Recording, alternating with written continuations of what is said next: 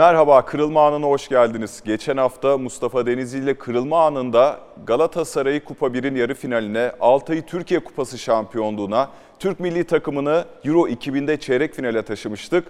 Bu hafta da Mustafa Denizli'nin kariyerinde 2000'li yıllara ayak basacağız ama hepsinden önce hafta içinde kaybettiğimiz Özkan Sümer'i de anacağız. Çünkü e, değerli Özkan Sümer sizin de bir yakın dostunuzdu. Değerli değil, çok değerli. Yani hem e, insan olarak hem bir spor adamı olarak son derece değerli, çok e, farklı fikirlere sahip, farklı pencerelere sahip ve bütün bu e, felsefi görüşlerin içinde de espri kabiliyeti, espri yönü son derece yüksek olan e, bir hocamız, abimizdi. E, Allah rahmet eylesin. E, hem Trabzon hem e, Türk futbolu çok önemli bir değerini kaybetti. Türk futboluna, Trabzon'a yaptığı hizmetler her zaman anılacaktır. Dolayısıyla onun yolundan gitmekte olan e, birçok teknik adam var şu anda. Biz de onun fikirlerinden istifade eden nesillerden e, biriyiz. Yani uzaktan da olsa bana kattıkları için en azından onun değerlendirmelerini yaparken bunları kullanabilir miyim diye kullandığım şeyler oldu. E, özellikle de espri manasında. Dolayısıyla onu minnetle anıyoruz. Mekanı cennet olsun diyoruz. Şimdi kırılma anında geçen hafta Mustafa Denizli'nin kariyerini 2000'li yıllarda bırakmıştık. Şimdi oradan devam ediyoruz medya yansımalarıyla. Denizli'nin antrenörlük kariyerini iki evreye ayırmak lazım. Birinci evre 80'lerin sonu 90'ların başındaki devrimci dönem. Türkiye'yi hücum futboluna ve rakip ayırmaksızın %51 kazanacağına inandıran bir çılgınlık safhası. 2000'lerle birlikte ise ikinci Denizli evresi başlıyor. Sonuca yönelik kontrolcü pragmatist. Ben değerli dostum abi Mustafa Denizli'nin birinci evresinin hayranıyım. İkinci evresi içinse aynı cümlelere kuramayacağım maalesef diyor. 29 Kasım 2015'te meleke.com sitesinde sitenin sahibi gazeteci dostumuz Uğur Meleke. Burada %51'den bahsediyor. Bu %51'in %1'i ne anlam ifade ediyor hocam? Çok anlam ifade ediyor. Esasında e, bizim yani günlük yaşamımızda karşımızdaki inandırmak için kullandığımız ifade Türkçe'de bu işin olabilmesi için kullandığımız ifade de şöyle diyoruz biz. İnan bana %99.9 bu iş oldu. Halbuki %51 ile %99.9 arasında herhangi bir fark yok. E, benim açımdan yok. Hatta e, şu anda e, yani %51'in yapamayacağı bir şey yok. Bunu daha da indirgedik. Siyasal hayatımıza baktığımız zaman bugün Türkiye Cumhurbaşkanı'nı 50 nokta birle seçiyor. 51 ile değil. 50 nokta birle seçiyor. Dolayısıyla e, biz o zaman e, biraz da cömert davranmıştık. %51 demekle 50 nokta de diyebilirdik. Ama tabii e, bunu söylerken ben hangi sorularla karşılaşacağımı biliyordum. Yani direkt olarak bana korkuyor musunuz diye soracaklardı. E, toplantıdan evvel bunu da söyledim. Dedim böyle bir ifade kullanacağım. E, şansımız şudur diye. Bana soracaklar dedim basın mensupları hocam korkuyor musunuz diye. Halbuki %51 korkusuzluğun tam karşıtı, karşılığıdır. Onun için kullandığım bir ifade. Peki aynı değerlendirme yazısında Sayın Meleke'nin şöyle diyor. İlk dönemi devrimci, ikinci dönemi pragmatist. Siz e, 2000'li yıllarda sizi Mustafa Deniz'i yapan bu devrimci yönünüze ihanet ettiğinizi düşünüyor musunuz? Söz konusu değil. Hangi devrimci devrimlerine ihanet eder ki? Şimdi Uğur'un orada söylediği benim e, çıkış noktam. Çıkış noktam e, yani o ifadeyi kullandığına göre e, orada bir şey görüyor demek ki. Yani Türkiye'de olmamış, yapılmamış şeylerin yapıldığı devrimciler e, nelerle anılırlar? Yapılmamışları yapmakla e, veya işte karşı fikirleriyle ve doğru fikirlerle karşı olmak hep doğru fikir değildir. Yani yanlışta da karşı olabilirsiniz. Dolayısıyla e, benim için önemli olan e, birinci bölümü. İkinci bölümü çok bir şey ifade etmiyor birinci bölümde bunları yaptıysak ve o yakıştırmayı da o ifade içerisinde uygun bulduysa ben amacıma ulaştım. Esas amacım oydu benim. Ondan sonrakiler günün şartlarını değerlendirmek için. Yani birincisi onları yapabilmek için önce düşüncenin değişmesi lazımdı. O ifadeyi onun için kullanıyor. Dolayısıyla ikinci bölümle ilgili çok fazla bir şey söylemeye gerek yok. İkinci bölümde de şampiyonluklar var. Ama birinci bölüm daha farklı bir şey. Şampiyonluktan öte bir şey o kullandığı ifade. Yani şampiyonluk mu o kullandığı ifade mi dersen o kullandığı ifade benim için geçerli. Evet şampiyonluk demişken o ikinci bölümdeki ilk şampiyonluğa gelelim. Efsane geri dönüyor. Ee, teknik direktör Mustafa Deniz'i Fenerbahçe efsanesi dönüyor şeklinde futbol camiasındaki konuşmalarla ilgili olarak onu yaşayanlar daha iyi bilir. Hayatı Fenerbahçe'de geçen insanlar var. Biz bu düşünceleri gerçekleştirmek için çalışıyoruz. Eğer öyle düşünüyorlarsa bundan mutlu oluruz. Gayet tabii ki efsane dönecek dedi. 27 Şubat 2001 NTV MSNBC.com efsane e, tanımlaması hala Fenerbahçe için kullanılan belki de sizin Fenerbahçe'ye koyduğunuz bir e, tanımlama. Sizin geldiğiniz dönemde 2000'li yılda e, o şampiyonlukta Fenerbahçe tribünlerinde olağanüstü bir birliktelik vardı. Bunu neye bağlıyorsunuz? Üstelik siz Galatasaray'la özdeşleşmiş biri, biriyken. Evet e, yani e, ikisi çok farklı şey esasında. Bir büyük camiadan sonra diğer bir büyük camiada görev yapmak. E, arada e, milli takım ve Kocaeli çalışması Evet. vardı. Ondan sonra e, bu çalışma başladı. Tabii e, bu güveni yaratabilmek veya o camialarda görev yapmak için e, bir takım nosyonların e, insanların üzerinde olması lazım. E, toplum tarafından veya işte camia tarafından e, kabul görmesi lazım. O manada e, Fenerbahçe çalışmasında yani bazı tereddütler olmuştu. Yani e, işte Galatasaray'dan geliyor aradan uzun zaman geçmesine rağmen. Esasında ben orada değildim. Yani benim amacım futbolculuğumdan beri hem e, sporcu olarak hem teknik adam olarak önce bulunduğum takıma e, bu takım üzerinden de, de Türk futboluna hizmet etmekti. Bunu hangi camia olursa olsun e, değişmeyen düşüncelerimdi. Dolayısıyla Fenerbahçe'de bir dönem başarıların gelmediği bir dönemden sonra görev yapmak çok zor bir şeydi. Dolayısıyla bir de Türk teknik adamların kısa süreli görev yaptığı bir camiaydı. Hep tereddütler vardı. Olur mu olmaz mı, olur mu olmaz mı? Bu normaldir hangi camiada olursa olsun. Ondan sonra bu düşünceyi bir defa bertaraf ettik öncelikle. Yani teknik adamlığın en önemli yönlerinden bir tanesi yönetme sanatıdır. Yönetme sanatı sadece futbol takımı ile ilgili değildir. Yani camiaya vereceğin mesajlarla senin hedefinin ne olduğunu önce camianın ondan sonra çalıştığın takımın e, e, algılaması lazım. Bunu vermeye çalıştık. E, bu da benim yani iyi yaptığım işlerden biri diyebilirim. Peki hocam çok güçlü bir başkanla çalıştınız karakter olarak. Çok zor bir kadroyla çalıştınız aslında birçok yıldız barındıran. O süreci yönetmekte zorlandınız mı özellikle yönetim boyutunu? Hayır, e, ilk etapta hiçbir zorluk yaşamadım. Dolayısıyla e, yönetimle anlaşırken zaten e, Sayın Başkan ve yöneticilerle benim çalışma koşullarımı ne olduğunu paylaştım kendileriyle. Dolayısıyla yani bu benim rahat çalışmam açısından değil, e, yeni kurduğumuz bir takım, yeni bir kadronun bir araya gelmesi, çeşitli ülkelerden, çeşitli kültürlerden futbolcuların bir araya geldiği bir takımda ortak lisanı bulabilmek, ortak hedefi bulabilmek, onlarla neler yapabileceğimizi konuşmak. Bir de şu çok önemli. Şimdi dışarıdan gelen futbolcular önce şunu düşünüyor. Yani ben kimle çalışacağım? E, geriye dönüp baktığı zaman yani e, orada artı puanla karşılaşıyorsun. Bir, bir avantaj oluyor bu. Dolayısıyla e, e, bu düzeydeki futbolcularla adaptasyon dönemini yaşamak da e, çok uzun süre almıyor. Yani benim e, yaklaşık 3-4 haftamı aldı. Ondan sonra da e, gerçek manada bir takım oluşturmaya e, başladık. E, ve herkes birbirinin dilinden çok iyi anlıyordu. Yani futbolun dili ortaktır zaten. Hangi ülkeden, hangi ırktan olursan ol, e, futbolun ortak dilinde rahat buluşabilirsin. Bu manada e, avantajlıydık. Tabii e, özel çalışmalar da yaptık. E, kısa sürede bunu sağladık. Hocam e, sizin gelmiş olduğunuz dönemdeki gibi Fenerbahçe yine uzun bir kupasızlık döneminden geçiyor. Peki yine hani siz o zaman efsane geri dönecek demiştiniz. Fenerbahçe efsanesi geri dönebilecek mi? Geri dönecek mi yine?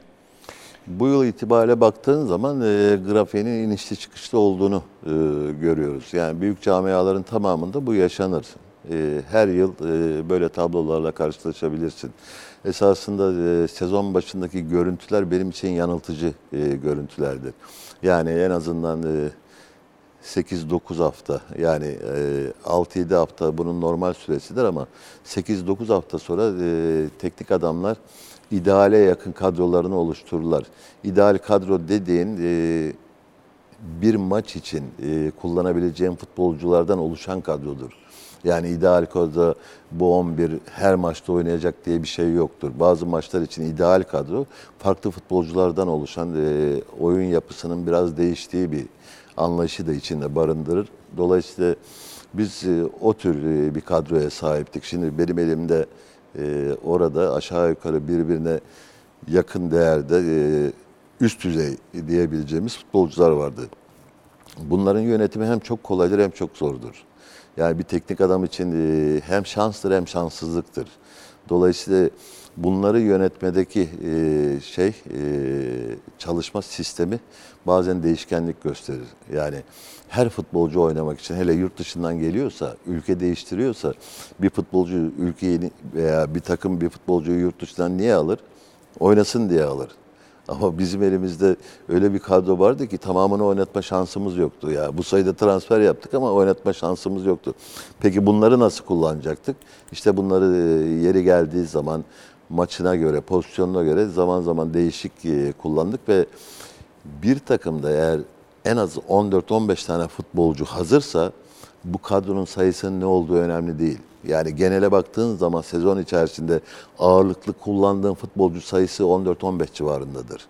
Burada e, benim esas e, çalışma e, prensiplerimden bir tanesi 8 tane aşağı yukarı devamlılığı olan ve arada değişen 2-3 tane de e, futbolcunun olması. Yaklaşık e, her haftaya tekabül edebilir bu. Bu 2-3 futbolcunun e, boşluğunu dolduracak olan 6-7 tane futbolcu vardır. Umutla bekleyen, görev almayı bekleyen. Dolayısıyla bunların hepsi hazırdır. Hangisine görev verirsen ver, onları hiçbir şekilde kayıphanesinden almasın. Hep artı hanelerden alırsın çünkü bilir yani takım e, kazansa da ertesi hafta değişiklik olacaktır. Sıra bana gelecektir diye ve kendini hazır tutmak mecburiyetindedir. E, bu ortamı yakaladığın zaman zaten e, başarının adımını atmış olursun.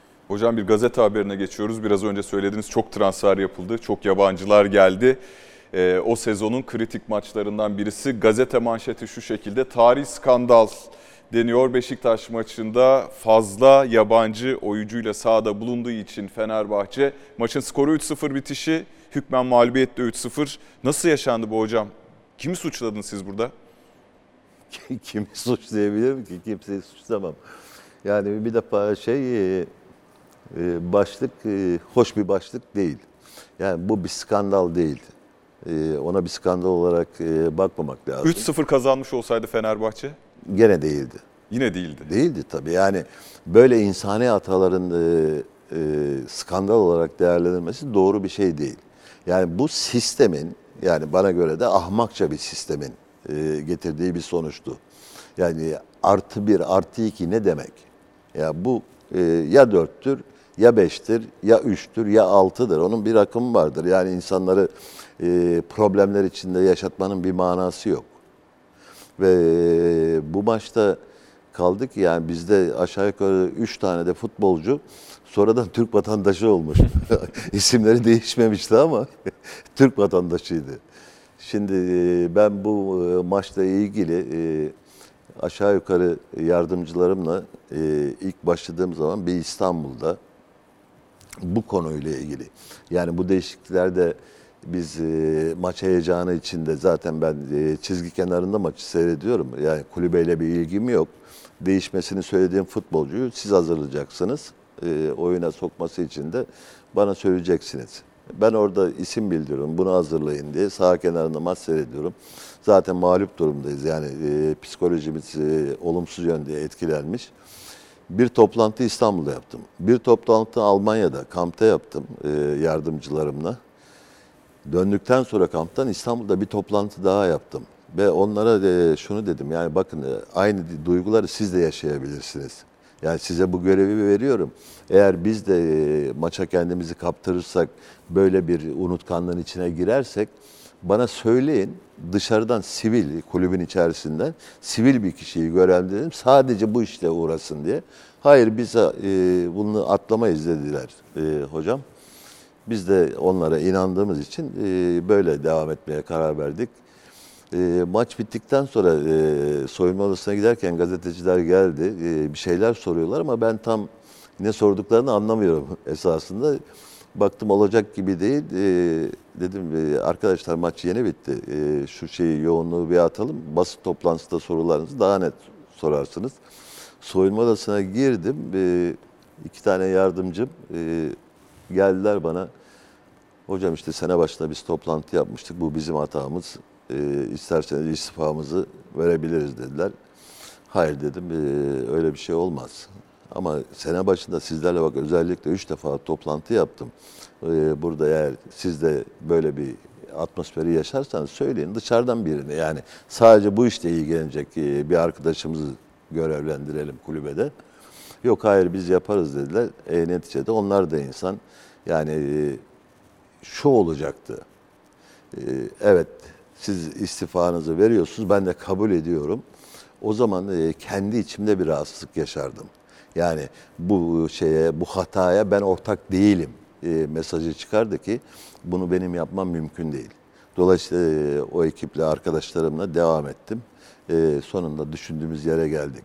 O bir e, benim de onların da atladığı bir şeydi ama e, basın toplantısında şunu da söyledim ben. Yani sordukları zaman nasıl böyle bir şey olur diye. Ya dedim arkadaşlar yani ben e, işte e, bizim e, sınır kapılarında e, gümrüklerimiz vardır. Havaalanında veya karayollarında. Ya dedim e, neticede ben burada e, görev yapan bir insan değilim. Yani oyuna giren futbolcunun pasaportuna bakayım.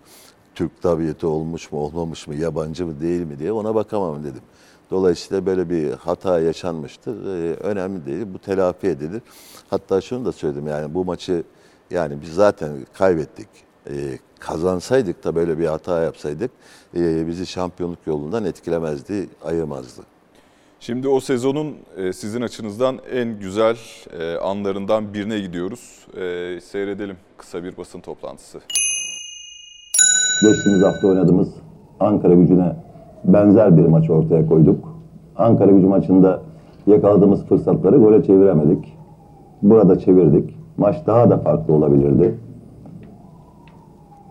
Fenerbahçe takım olmanın büyük bir örneğini bu akşam bir kez daha verdi ve taraftarlarıyla paylaştı. Ve bu bizim ligin sonundaki hedefimize inancımızı bir kat daha arttırdı. Fenerbahçeli futbolcular, bizler, yönetim ve taraftar biliyor ki girdiğimiz bu yoldan artık dönüş yoktur. O yoldan geri dönüş olmadı. O yol hangi yol? 3-0 ilk yarısı yenik kapatılan ardından 4-3 galip bitirdiğiniz e, Gaziantep spor maçı. Tarihi bir maç Fenerbahçeliler açısından. Hocam o maçla ilgili hep tribünlerin birlikteliği konuşulur devre arasında.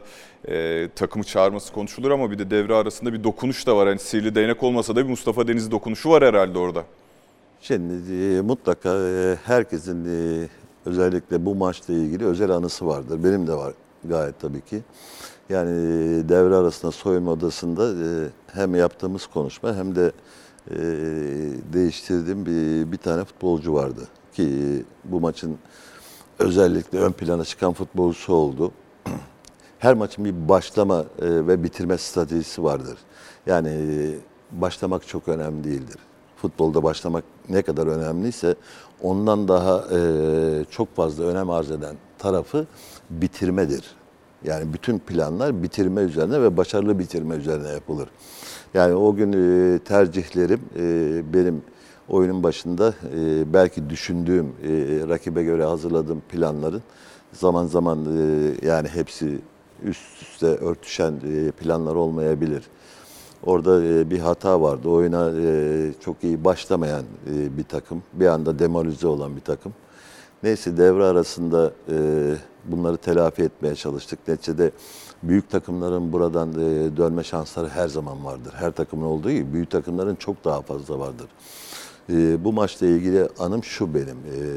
Ben hayatımda bu kadar yıllık teknik adamlık hayatımda o, o inançla e, devre arasında yaptığımız konuşmadan sonra takımla beraber Santra'ya kadar beraber çıktım. Yani 12. futbolcu gibi takımla birlikte e, çıktım.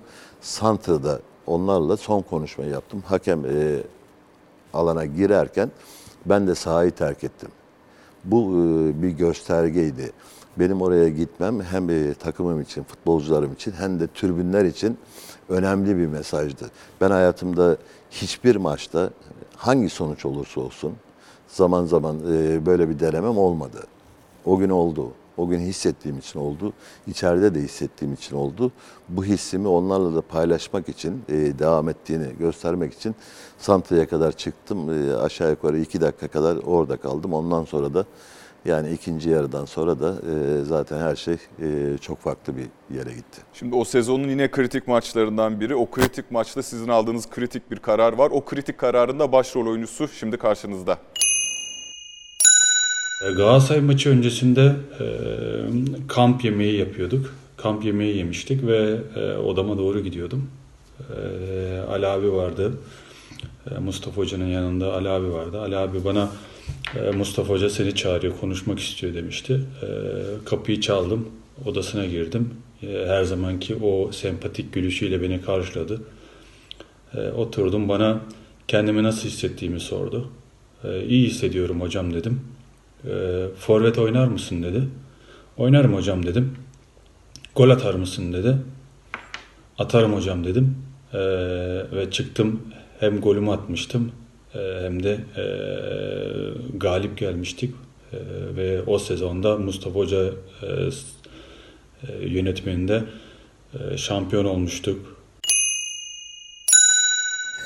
Mustafa Denizli'yi Denizli yapan e, meydan okumalardan biri belki. Neden meydan okuma? Çünkü elinizde Kenneth Anderson'undan Rapa içine, Revivos'una, Baliç'ine, Serhat'ına kadar çok önemli hücumcular var. Siz ligin en kritik maçında bir sağ bek, bazen sağ bek, belki sağ ön oyuncusunu forvet arkası oynatmayı düşünüyorsunuz. Tam aksi olsa belki de bütün oklar sizi gösterecek. Şimdi dedim ya e, maç öncesi stratejilerde e, yapılan çalışmalar vardır. Rakibimizin e, bizim için yaptığı çalışmalarda senin bahsettiğin isimler onlar üzerinde çalışıldı. Çalışılmayan iki kişi vardı. Yani karşısında çıkacak kadroda beklenmeyen iki tane futbolcu vardı. Bir tanesi Ali'ydi, bir tanesi de Yusuf'tu. Ee, şimdi Ali hoca sempatik güldü diyor. Antipatik gülüş nasıl olur onu bilmiyorum.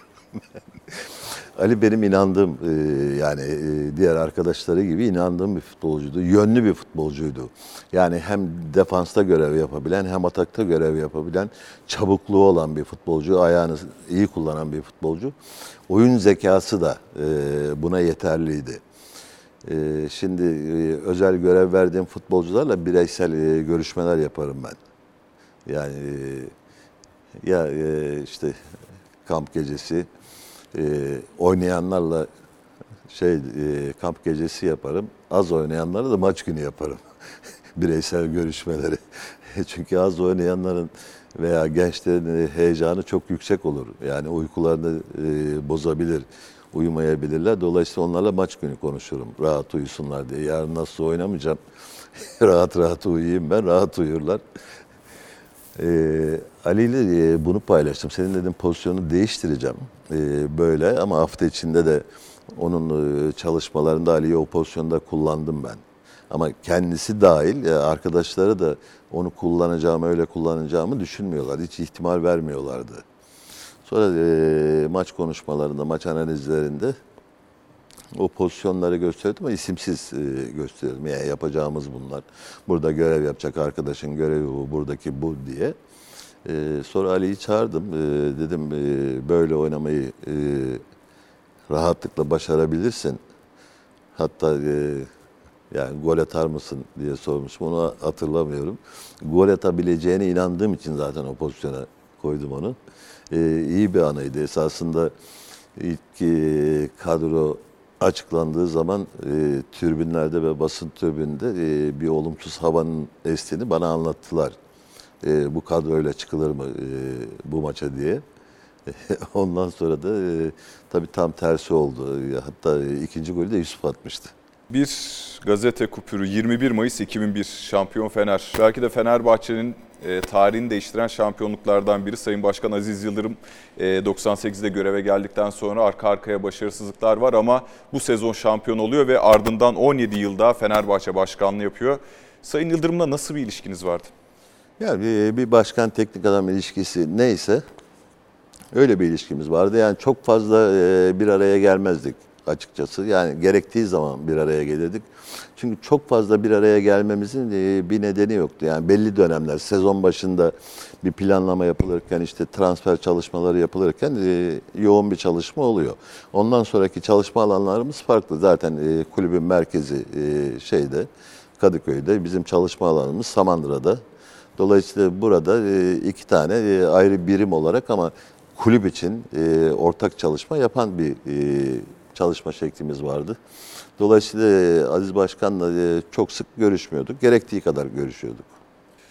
Şampiyonluk güzel ardından Şampiyonlar Ligi'ne katılmak çok daha önemli tabii ki ama Fenerbahçe'nin 2001-2002 sezonundaki Şampiyonlar Ligi macerası çok istediği gibi gitmedi. Bir görüntümüz var kısa seyredelim.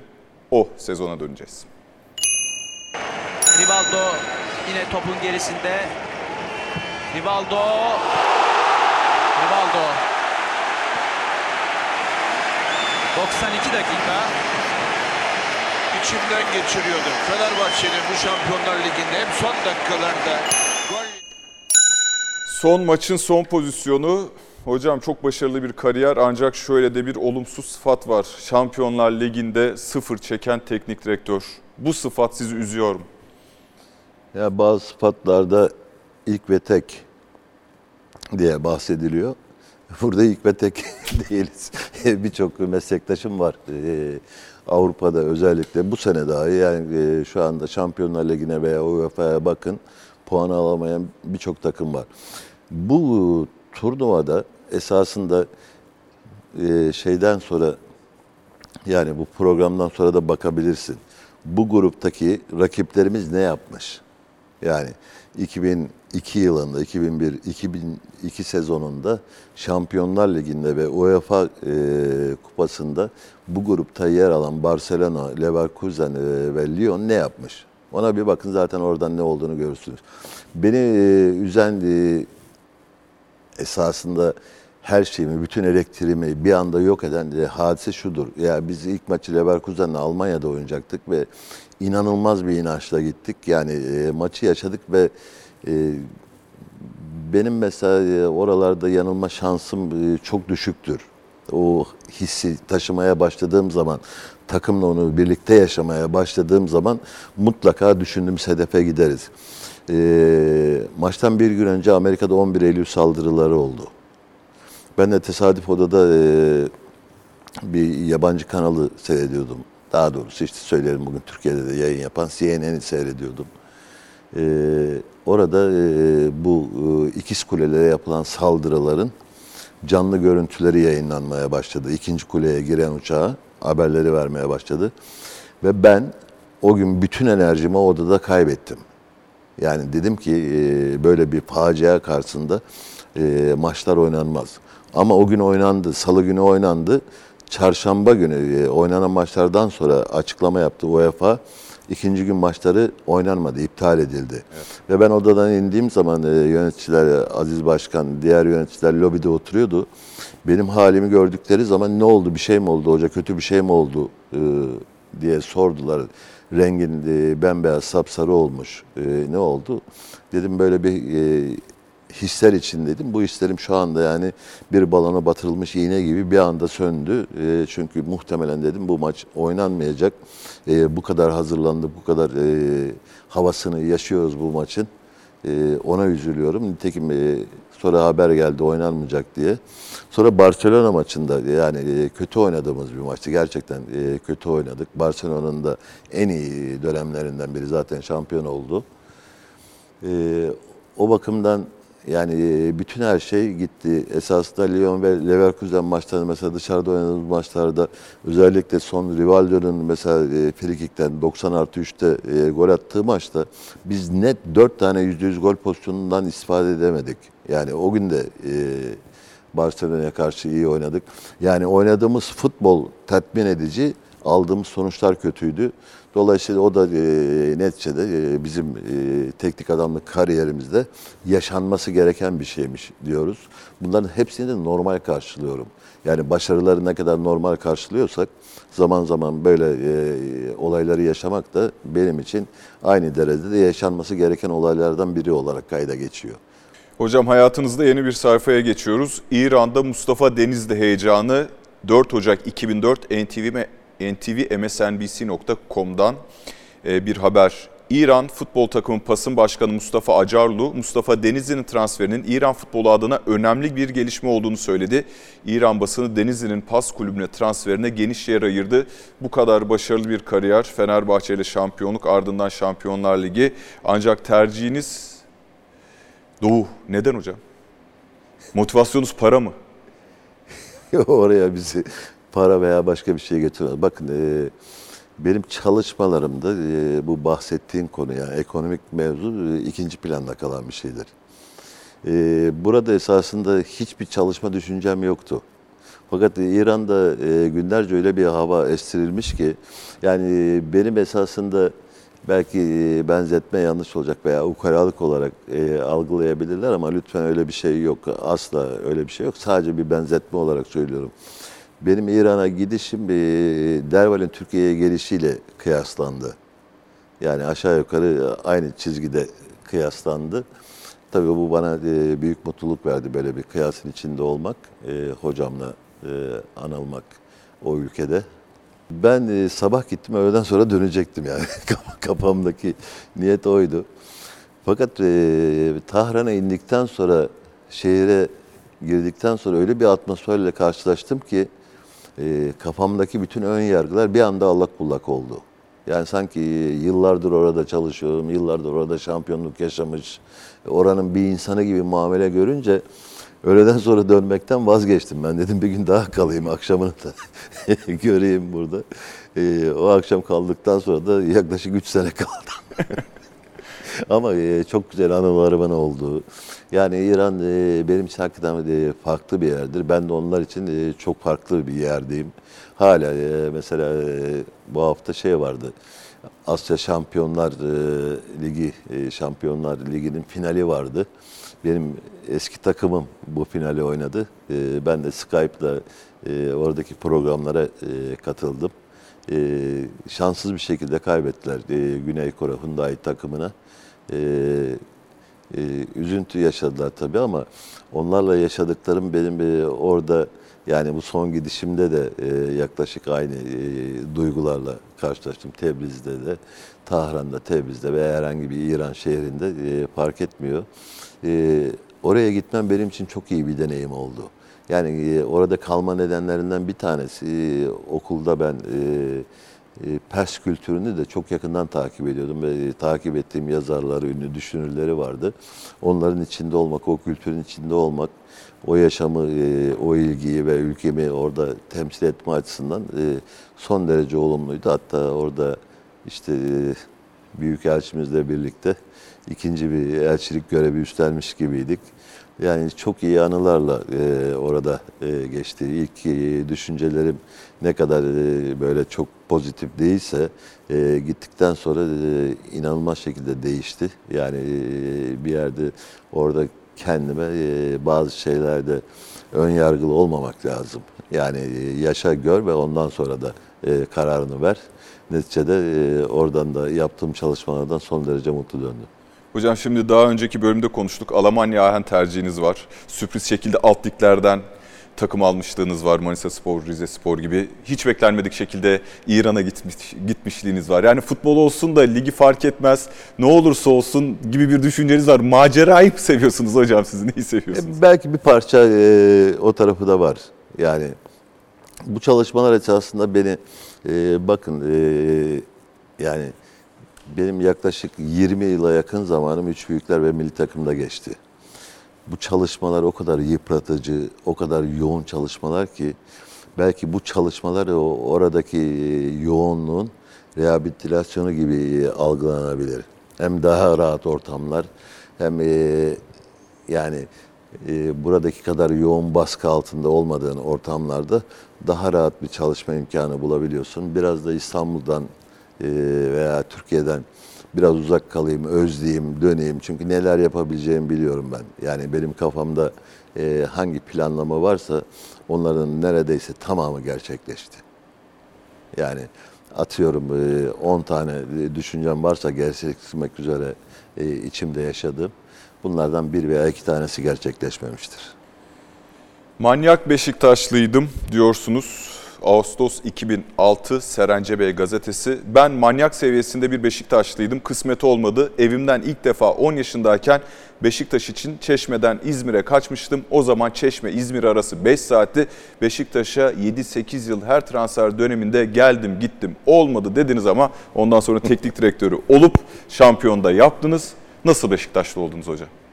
Nasıl Beşiktaşlı oldum onu esasında birkaç defa anlatmıştık. Ee, Bizim Terzi Emin abimiz vardı Allah rahmet eylesin. O e, uzun yıllar akaretlerde görev yapmış e, terziydi, mesleği terziydi. Beşiktaş camiasının içinde bir insandı. Çeşme'ye döndükten sonra hep bize e, bunları anlatıyordu. İşte Beşiktaş'ın sembollerini, çalışmalarını, şeref stadını, baba hakkıları, Süleyman Sebaları, eşrefleri bunları anlatıyordu. E biz de abimle beraber e, mahalle çocuk çocukluk arkadaşları beraber e, onu dinleye dinleye dinleye dinleye Beşiktaş sempatizanı olduk. O manyak bir Beşiktaşlıyım dediğim çok eski bir ifadedir. Ee, yani e, Altay'da oynarken kullandığım ilk kullandığım ifade odur. Çeşme siyah beyazdı. Sonra yıllarca formasını taşıdığım e, Altay siyah beyazdı. Yani hep siyah beyazdan gittik ama neticede e, şeyde e, formasını giymek nasip olmadı sporculuk döneminde. Zaten İstanbul'a e, yani e, üç büyüklerden devamlı teklif aldım. Yaklaşık her yıl aldım. İzmir'den ayrılmayı düşünmemiştim açıkçası. Ama e, son yılımızda e, Galatasaray'a e, transfer oldum. İstanbul maceramızda öyle başladı. Dolayısıyla e, yıllar sonra e, Beşiktaş'a e, sporcu olarak değil ama teknik adam olarak gelmek nasip oldu. Ve oraya geliyoruz. 11 Mayıs 2009'daki bir röportaj ya da haber Sabah gazetesi Kain Değilim başlığıyla verilmiş. Sabah Mustafa Denizli'ye sordu. Hocam siz kain misiniz? İşte Denizli'nin yanıtı. Ben kain değilim. Yılların getirdiği bir birikim ve tecrübeyle fotoğrafı okuyorum, analiz ediyorum. Bu tahminlerin bilimsel bir analizin ürünü. Takımların durumunu bize karşı neler yapabileceklerini iyi okumaya çalışıyoruz. Dediniz ki tabii bu kain misiniz sorusu Sabah gazetesi tarafından şu cümleniz üzerine o sezonki 26. hafta işaret etmeniz üzerine ki 26. haftaya gelene kadar bir de arada Fenerbahçe mağlubiyeti var hiç beklenmedik. O zaman ya olmayacak mı demediniz mi hocam? Hayır tam aksine olacak dedim. Öyle mi? Evet. yani o canlı e, maç sonrası canlı yayında söylediğim ifadedir. Bu mağlubiyet şampiyonluğa daha da yaklaştırdı bizi diye. Hatta e, o röportajı yapan arkadaşım bir an duraksadı ne diyor diye. Şimdi esasında e, o kelime üzerinden gitseydik yeni bir meslek dalı kurabilirdik. Bir kahinik ofisi açıp meslek değiştirebilirdik. Şimdi e, o 26. hafta ifadesini ben 9 e, veya 10. haftada kullanmıştık. Takımın durumu da iyi değildi. Ama baktım yani yönetme sanatı dediğin işlerden bir tanesi budur. Baktın işler sarpa sarmaya başlıyor. Kendine bir hedef veya senin e, düşüncelerini kimlerle yapabileceğini e, bilirken dışarıda bilmeyen gruplar var. Ya yani camia bilmiyor. Bunu e, camiaya tek tek anlatma imkanın yok. Dolayısıyla medya aracılığı da verdiğim bir mesajdır. Hem yönetime hem e, taraftara hem futbolcuya. E, bu şeyi niye yaptım ben? Açıklamayı niye yaptım? O haftaya kadar olan e, maçlar çok kritik haftalardı dört tane takımın bizle beraber şampiyonluk yarışı içerisinde olan e, dört tane takımın e, bütün maçlarını 26. haftaya kadar çıkardım. Kendim bir puanlama yaptım. E, Beşiktaş'a oynayacağı maçlar için puan verdim. E, rakiplerine e, puan verdim. Sonra alt alta topladığım zaman Eğer dedim bu kadar yıllık tecrübem beni yanıltmıyorsa e, tablo bu olur. 26. haftada e, bu düşündüğüm puanlama gerçekleşirse biz e, o hafta e, ligi allak bullak etme haftası olarak görebiliriz. Onun üzerine ertesi gün basın toplantısında e, bu konuşmayı yaptım. Dedim e, fazla carçurt etmesin kimse. Yani biraz ifade şey oldu ama ya kesmem için başka bir şey yok. E, Yani kullanacağım ifade yok. ne olur dedim sesinizi kesin ve bekleyin. Şimdi bunu söyleyince ya bir şey oluyor işte bir maçta berabere kalıyorsun. Biri eleştirmeye kalkıyor. Ya arkadaş bekle diyor 26. hafta dedi hoca. Bekle bekle bekle geldik 26. haftaya ve e, söylediğimiz yerde olduk. O olunca şimdi e, gazetede e, bu röportajı yapan arkadaş da bu e, şeyi sordu, soruyu sordu bana. Kain misin? E, kain olmaya gerek yok. Yani bu tecrübeyle e, e, paralellik gösteren bir şeydir. Olabilir miydi? Olabilirliği benim için çok yüksekti ama olmayabilirdi. O zaman ne diyeceklerdi? 26. haftada geldik bizden hiçbir şey olmadı. o zaman kain yerine başka ifade kullanacaktı. Dolayısıyla e, bunlar tecrübelerle, bundan başka tecrübelerim de var. Onu anlatırım yani burada onların hepsini anlatmaya gerek yok. E, dakikalarla verdiğim maçlar vardır. Şu dakikada kazanacağımız maçlar vardır diye söylediğim çok farklı maçlar vardır. 26. haftada dediğiniz oldu. 34'te de mutlu sona ulaştınız. O şampiyonluğun en çok forma giyen isimlerinden biri değil ama kilit isimlerinden birisine kulak verelim şimdi. Hem antrenörlükte hem de e, oyunculuk döneminde e, çok güzel günler geçirdim. En mutlu olduğum dönemler hocamla beraberdi. Beni ilk milli takıma e, ikinci ligden alan yine Mustafa Denizli'ydi. Fenerbahçe'ye gidip tekrar beni transfer eden yine Mustafa Denizli'ydi. Beşiktaş'a gitti yine transfer etti beni. Yani gittiği her kulüpte neredeyse beni transfer etti. Aynı zamanda e, Rize Spor'da yardımcı antrenörünü de yaptım. E, orada da şampiyonluk yaşadık. Yani ben Mustafa Hoca ile gittiğim her yerde şampiyonluk yaşama keyfi yaşadım. Ee, onun için çok mutluyum, çok gururluyum. Zaten ülkemizin yetiştirdiği en büyük antrenörlerden bir tanesi. Ee, benim hayatımda çok önemli yeri var. Ee, bizim futbol camiasında baba dediğimiz bir tabir vardır. Ben de baba olarak görürüm Mustafa Hoca'yı. Ararım, sorarım, halini hatırını sorarım. Ee, benim için gerçekten e, önemli bir hem insan olarak hem de teknik direktör olarak e, iyidir. Futbolcuyu çok sever, futbolcusuna laf kondurmaz. Futbolcusunun en iyi şekilde yaşamasını ister, en güzel şeyleri yapmasını ister. E, gerçekten çalışabilecek bir teknik direktör. Sık sık siz de vurguluyorsunuz. Yusuf da vurgulamış, o farklı vurgulamış ama futbolcusuna toz kondurmaz, futbolcusunu sever. Futbolcu kazanma sanatı nasıl bir sanattır hocam? Çünkü Yusuf çok yetenekli olan ancak o yeteneğini %100 oranında sahaya düzenli olarak yansıtabilen futbolcu değildi. Şimdi benim e, paylaştığım, takımla paylaştığım ifadelerden bir tanesi futbolcularımla e, başarı da ne kadar çok görev yaptığın önemli değil. Ne yaptığın önemli. Yusuf mesela sürekli her maçta 90 dakika forma giyen bir futbolcu değildi. Ama her şampiyonlukta ön planda alınan isimlerden biriydi. Yani futbolcunun ne kadar süre aldığı önemli değil. Ne iş yaptığı çok önemli. Yusuf bunun en güzel örneklerinden bir tanesidir. 90 dakika oynadığı maçlar da oldu ama çoğu zaman Yusuf oyunun kaderini sonradan değiştiren ve üst düzey yetenekli bir futbolcuydu. İlk defa antrenörlük hayatımda e, iki gittiğim yani şampiyonluk yaşamak için gittiğim iki kulüpte özellikle Yusuf'u istedim. Bir tanesinde sezon başında e, transferini yaptırdık. Bir tanesini devre arasında.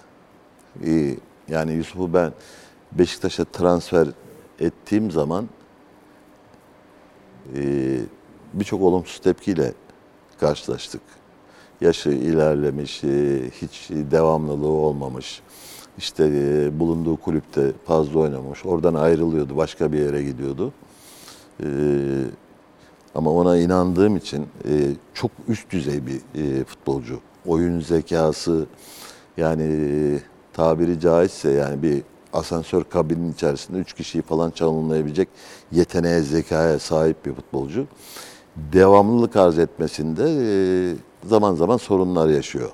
Yani Yusuf'u kullanma e, şeyi benim kafamda hep farklı oldu.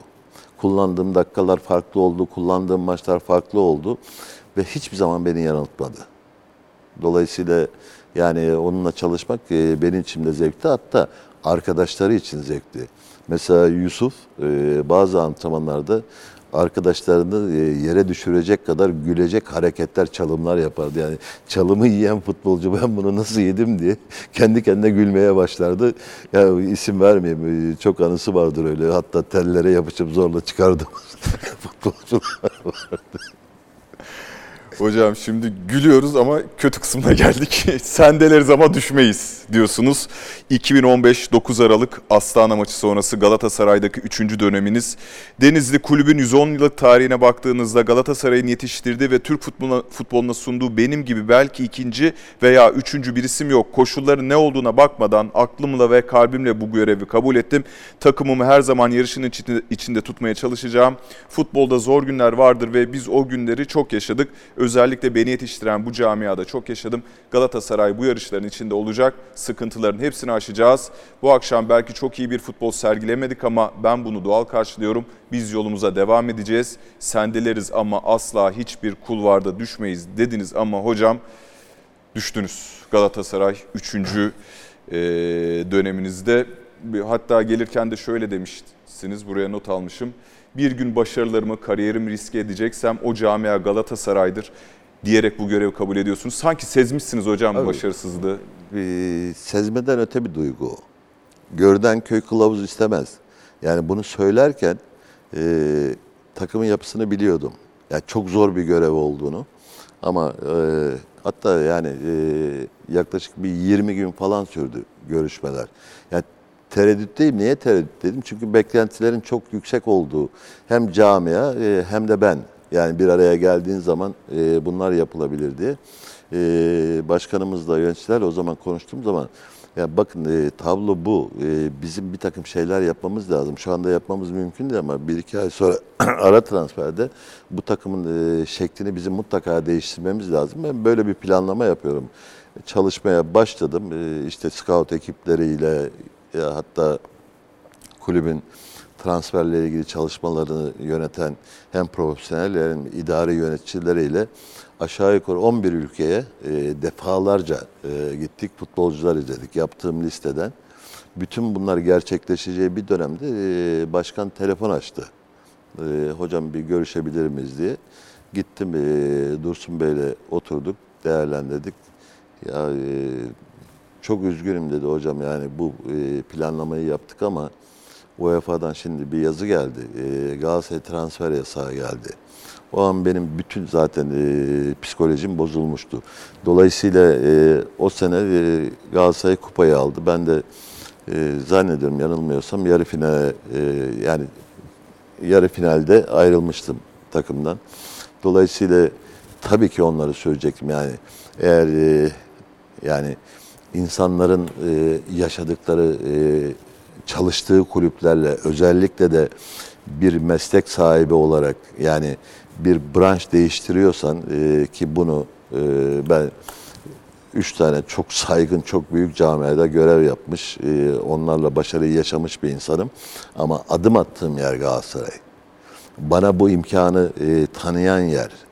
E, Beni 37 yaşında Galatasaray'a teknik direktör yapan bir camia. Dolayısıyla e, böyle bir günde e, onun ne kadar zor durumda olduğunu bilerek o görevden e, yani e, belli insanların çok saygı duyduğum, sevdiğim, inandığım insanların da e, müthiş telkinleriyle günlerce süren. Çünkü yani tablo gözüküyordu. Yani kain olmaya gerek yoktu. Keşke yapmasaydım. Hayır, hayır, hayır, mi? hayır, hayır. Asla. Asla. Yani ondan pişmanlık duymadım. Yani karar vermekte zorlandım ama kabul ettiğim e, anda asla bir pişmanlık duymadım. Yani ben e, insanın hayatında mutlaka pişmanlıklar olabilir. Ama ben e, mesela keşke kelimesini hiç kullanmam. Yani neticede her kararı kendim veriyorum. Yani düşünüyorum o kararı veriyorum. Artık o karar seni başarıya mı götürür, başarısızlığa mı götürür? Bunda senin verdiğin karar önemlidir. Senin tercihin önemlidir. Bu konuda sorgulamam kendimi. Sorgularsam işin içinden çıkamam. Yani kendimi sorgulamaya başladığım zaman o sorgulama bitmez. Hep devam eder. doğruda, yanlışta, özellikle yanlışta, yanlış dediğim yani kötü neticelerde ve tercihlerimde kendimi sorgulamaya başlarsam o zaman kendime olan inancımı kaybederim. Dolayısıyla öyle bir şeyi düşünmem. Sosyal medya yansımalarına geçiyoruz. Maçı kafada oynamak diye bir e, sosyal medya postu var. 8 Şubat 2012'de Mustafa Denizli'nin Türk futboluna kazandırdığı eylem Euro 2000'de İtalya maçı öncesi ben maçı kafamda oynadım kazandık demesiyle Türk spor yazarlarının ve muhabirlerinin kullanmaktan zevk duyduğu söz öbeği. Kafanızda oynadığınız en heyecanlı maç hangisiydi hocam? Ya şimdi esasında her maçı kafanda öyle veya böyle oynarsın. Yani kazanacağına inandığın maçı çok fazla oynamazsın. Zor maçları e, çok oynaman lazım. Yani maçtan evvel maçı yaşamak demek senin e, rakibi isim olarak bulabilmen. Yani kimler oynayabilir? Yani bir takımın devam eden kadrosu vardır ama değişiklik olabilir mi? Ben değişiklik yapabilir miyim? Karşı karşıya oturttuğum zaman şimdi mesela e, maçı kafada oynamak ve kazanmak orada başlayan bir hadisedir. Yani maçı sahada kazanmasın. Maçı maçtan önce kazandıysan kazanmışsındır. Şimdi e, bunu ilk e, yaşadığım benim e, Galatasaray'da göreve başladım. Yani teknik direktör olarak başladığım yıllarda başladı ama kafamda en fazla oynadığım maç benim bir iki tanedir. Bir tanesi Rapid Wien maçıdır. İstanbul rövanşıdır. Bir tanesi de Monaco maçıdır. Yani ben Monaco'yu seyrettiğim zaman e, saat 5'e kadar falan uyumadım. Yani e, Nice gitmiştim. Nice'de e, Nice Monaco maçını seyretmiştim. 5'e kadar yani şu senin önündeki A4 e, not kağıtları gibi onlarcasını yırttım attım. Monaco'yu oturtuyorum. Galatasaray'ı oturtuyorum. Olmuyor. Yırtıyorum. Bir daha oturtuyorum. Bir daha oturtuyorum. Bir daha oturtuyorum. Kimi nerede pozisyonu değiştireceğim. Çünkü o kadar güçlü bir takım ki yani düşün e, 6-7 tane Fransız milli takımda 3 tane İngiliz milli takımda oynayan futbolcu e, Forvet'te Fofana. e, Fofana var. Avrupa'da iki defa yılın futbol seçilen veya oynamıyor. Hatla oynuyor İngiliz milli takım santraforu. Glenn Hoddle var orta sahada. Var da var yani. E, onu yapıyorum. Oradan alıyorum, buraya koyuyorum. Herhalde 40. takım falan yaptığım zaman bunları yeneriz düşüncesine e, ulaştım. Bir buçuk saat falan uyumuştum. Dönmem lazımdı. Uyumadım belki de. Yani birçok maç e, gecesi uyumam. Ama bazı maçlar vardır ki gözünü kırpamasın. Yani maçı maçtan önce oynarken, kendi futbolcunu değerlendirirken, rakibi değerlendirirken, yani maçı maçtan önce oynayıp yaşamak, ondan sonra da bunu e, çalışmalarda takıma aksettirmek çok farklı bir şey. Ligdeki maçlarda bu kadar heyecanlandığınız oldu mu yoksa bu Avrupa Kupası maçlarına özgü bir e, gerginlik mi hocam? Şimdi derbilerde e, buna benzer çalışmalar yaparsın ama özellikle Avrupa. Yani şimdi ben yıllarca milli takım ve e, Avrupa'da mücadele eden her takımla e, e, mücadele ettim ben Avrupa'da Şampiyonlar Ligi'nde. Fenerbahçe'siyle, Galatasaray'ıyla, Beşiktaş'ıyla hepsiyle e, mücadele ettim. Onların hepsini şey yapıyorsun. Tabii çok fazla izleme şansın olmadığı zaman mesela içerideki derbilerde yakından takip ediyorsun. Neler olabileceğini daha e, kolay kestirebiliyorsun. Ama dışarıda öyle değil. Ee, çok yakından takip ettiğin takımlar olmuyor. Değişkenlikler yani orada sık maçlar olduğu için kadro değişikliği de fazla oluyor. Orada zorlanıyorsun. O zaman e, kendi kadronu e, yaparken biraz daha e, çok daha e, fazla titiz davranman gerekiyor. Hocam 88-89 yılında Fenerbahçe'ye 3-0'dan 4-3 kaybettiğiniz maçı da kafanızda oynamış mıydınız? Hayır onu e, e, tabii ki oynadım. Tabii ki oynadım ve e, o oynamanın sonucudur ilk yarıdaki sonuç. Fakat e, öyle atmosfer e, olur ki bazı maçlarda şey kontrolden çıkar oyun içindeki durum. 3-0 e, öne geçtikten sonra futbolun içerisinde e, bana göre olmaması gereken hareketler. Yani İki röveşat hadisesi. var rakibi futbolcuların. topuk pası, bacak arası kovalamak, e, onu yapmak, bunu yapmak. Yani futbol e, hem kendine hem rakibe saygı oyunudur. Yani hiçbir şekilde e, skorla ilgili yani farklı e, öne geçsen de geriye düşsen de hiçbir şekilde o çizgiden ayrılmaman lazım. O gün e, o çizgiyi kaybettik biz.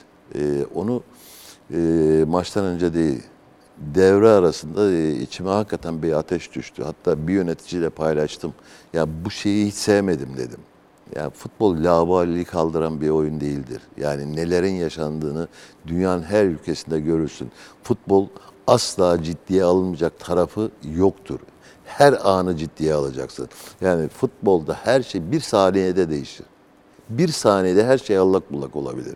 Bir kart, e, ne bileyim bir e, sakatlık, bir hata bütün dengeleri alt üst eder. E, nitekim e, o rahatlığın getirdiği e, ortamdan dolayı hemen ikinci yarının başında zaten 10 kişi kaldık. Yani futbolda e, çözülme anları vardır. E, bunu ben e, çok fazla yaşadım. Yani hem e, kazanarak yaşadım hem kaybederek yaşadım. Dolayısıyla o da o günlerden biriydi. E, bunlar benim yani teknik adamlık hayatımda birçok teknik adamın yaşamadığı veya yaşaması asla mümkün olmayacak maçlardır. Hocam fotoğraflara geçiyoruz. Birkaç fotoğrafımız var. Hemen bakalım. Kızlarınız Selin Hanım'la Lal Hanım. Şöyle bir tabir var. Ee, hani kız babası olmadan baba olmuş sayılmazsınız diye. Kız babası olmak size ne kazandırdı? Ve herhalde sevgiyi, hoşgörüyü, yani hayata bakış açımı e, değiştirmemi, e, hakikaten e, kızlar farklı. E, bilmiyorum yani benim erkek e, oğlum olmadığı için onu e, damadım da e, yaşıyorum. O duyguyu veriyor. Böyle e, iki tane kıza sahip olmak e, tabii her babanın mutluluğudur ama benim ayrı bir gurur kaynağımdır. Yaptıkları sosyal faaliyetlerle, yardımlarla, insanlarla olan ilişkileriyle yani paylaşmayı sevmeleri, ihtiyacı olanların yanında olmaya her an işte deprem olur oradalar, e, yangın olur oradalar, e, mültecilerde e, bir şey perişanlık olur onların yanındadırlar. Yani onlarla e, bu konuda hakikaten gurur duyuyorum ve destek de oluyorum her zaman. Pandemi döneminde e, çocuklarını bırakan bir kızım var benim. Çocuklarını bir tarafa, ikisi de küçücük çocuk anneye muhtaç. Ama o pandemide hizmet veren sağlık ekiplerine yemekler yetiştirsinler diye arkadaşlarıyla günlerce, aylarca çalışan ve evlerinde yaklaşık e, Türkiye'nin çeşitli hastanelerinden özellikle İstanbul'dan e, teşekkür belgeleri, yazıları alan insanlar. E, küçük de öyle, büyük de öyle. Yani onların iyi eğitim aldılar. O bakımdan çok huzurluyum. İkisi de iyi üniversiteleri bitirdiler. İkisinin de farklı lisanlara çok hakimler. Yani onlar e, yani bana e, kız babası olmanın e, ne kadar gurur verici e, bir şey olduğunu yaşattılar. Hakikaten onlarla gurur duyuyorum. Lal Hanım'dan bir video aldık. Ee, seyredelim. Lal Öyle Hanım'ın mi? bir anısı var. Ben birkaç yıl önce e, babamın aslında içinde olduğu ama olmadığı bir anı anlatmak istiyorum çok kısa. Beşiktaş çalıştırırken bir lig maçına gittiğimde talihsiz bir olay yaşanmıştı. O yüzden de babam hani bundan sonraki lig maçlarına gitmememi rica etmişti benden. Ben de o dönemde Fransa'da okuyordum.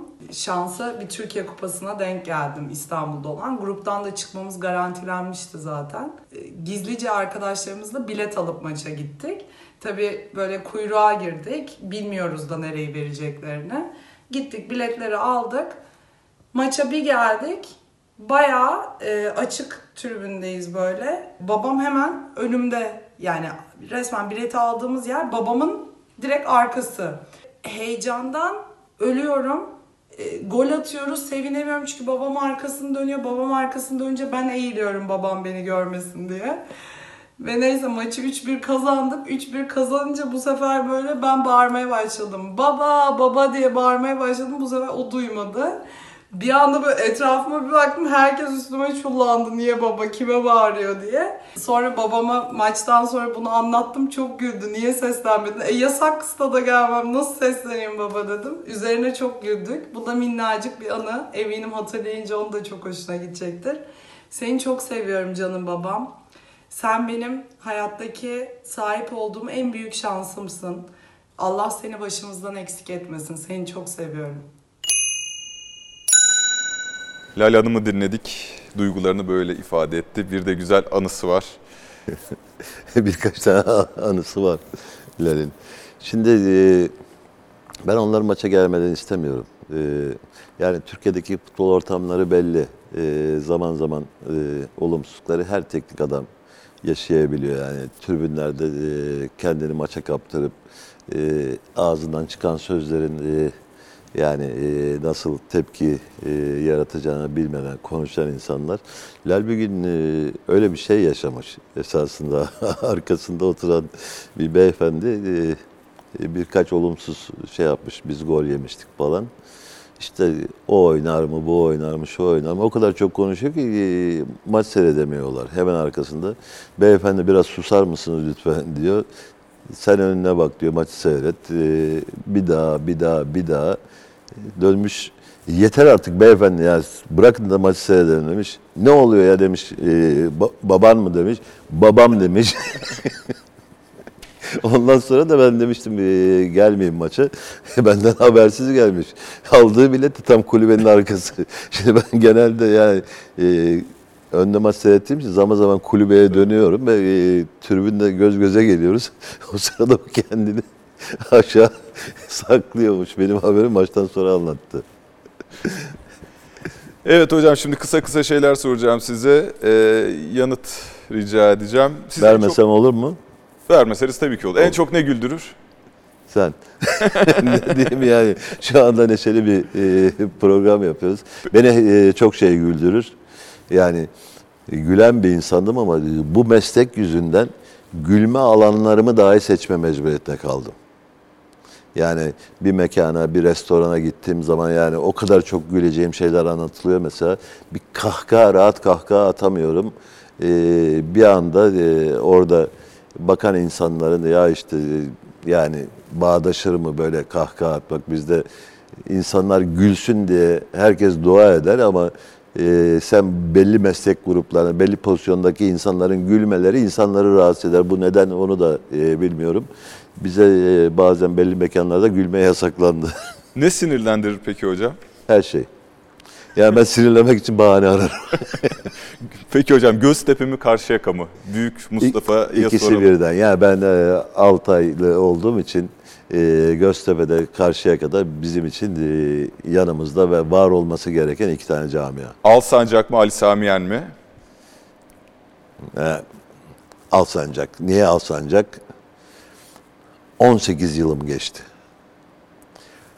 Niye Ali Samiyen diye sorarsan en büyük başarıları yaşadığım bir mabet orası.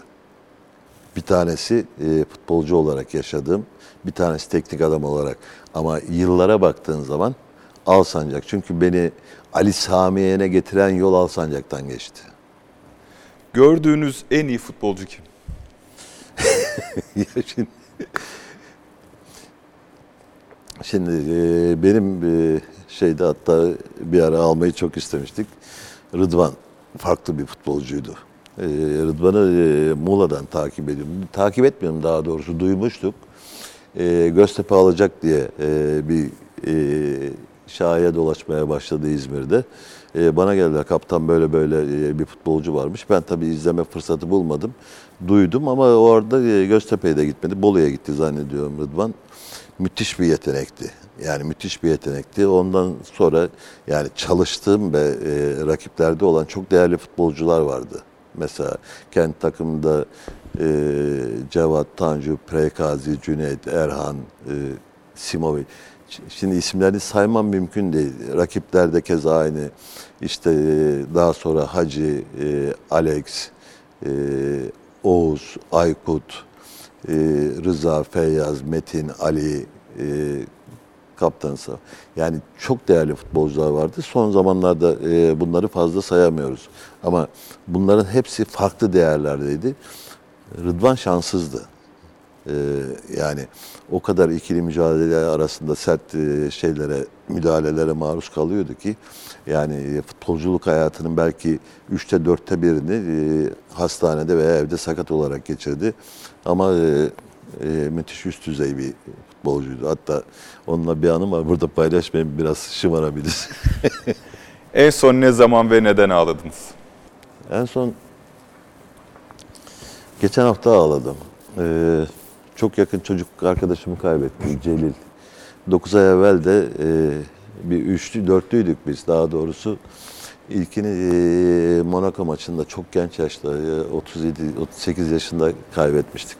Yaşar Kaptan bizim Halaoğlu derdik. İkinci Halaoğlu'nu 9 ay evvel kaybettim. E, son kalan ikimiz kalmıştık. Celil o da e, koronadan e, bir anda yani bir hafta içinde kaybettik. Tabii ağlamak bazen rahatlatıyor. Mesela işte burada anlatmam uzun sürer. Anlatacağım e, mecralar olacak onları insanlar bilsin. Yani saatlerce ağladığım yani yatağın üstü elbiselerimin su dökülmüş kadar gözyaşlarımdan yani gözümde yaş kalmamıştı ağlamaktan. Yalnız ağlamak, işten ağlamak e, çok sık değil ama e, eğer bir duygu seline kaptırdığım zaman kendimi e, başka türlü e, tutmam mümkün olmuyor. Büyük Mustafa çok teşekkürler. Kırılma anının sonuna geldik. Hoşçakalın.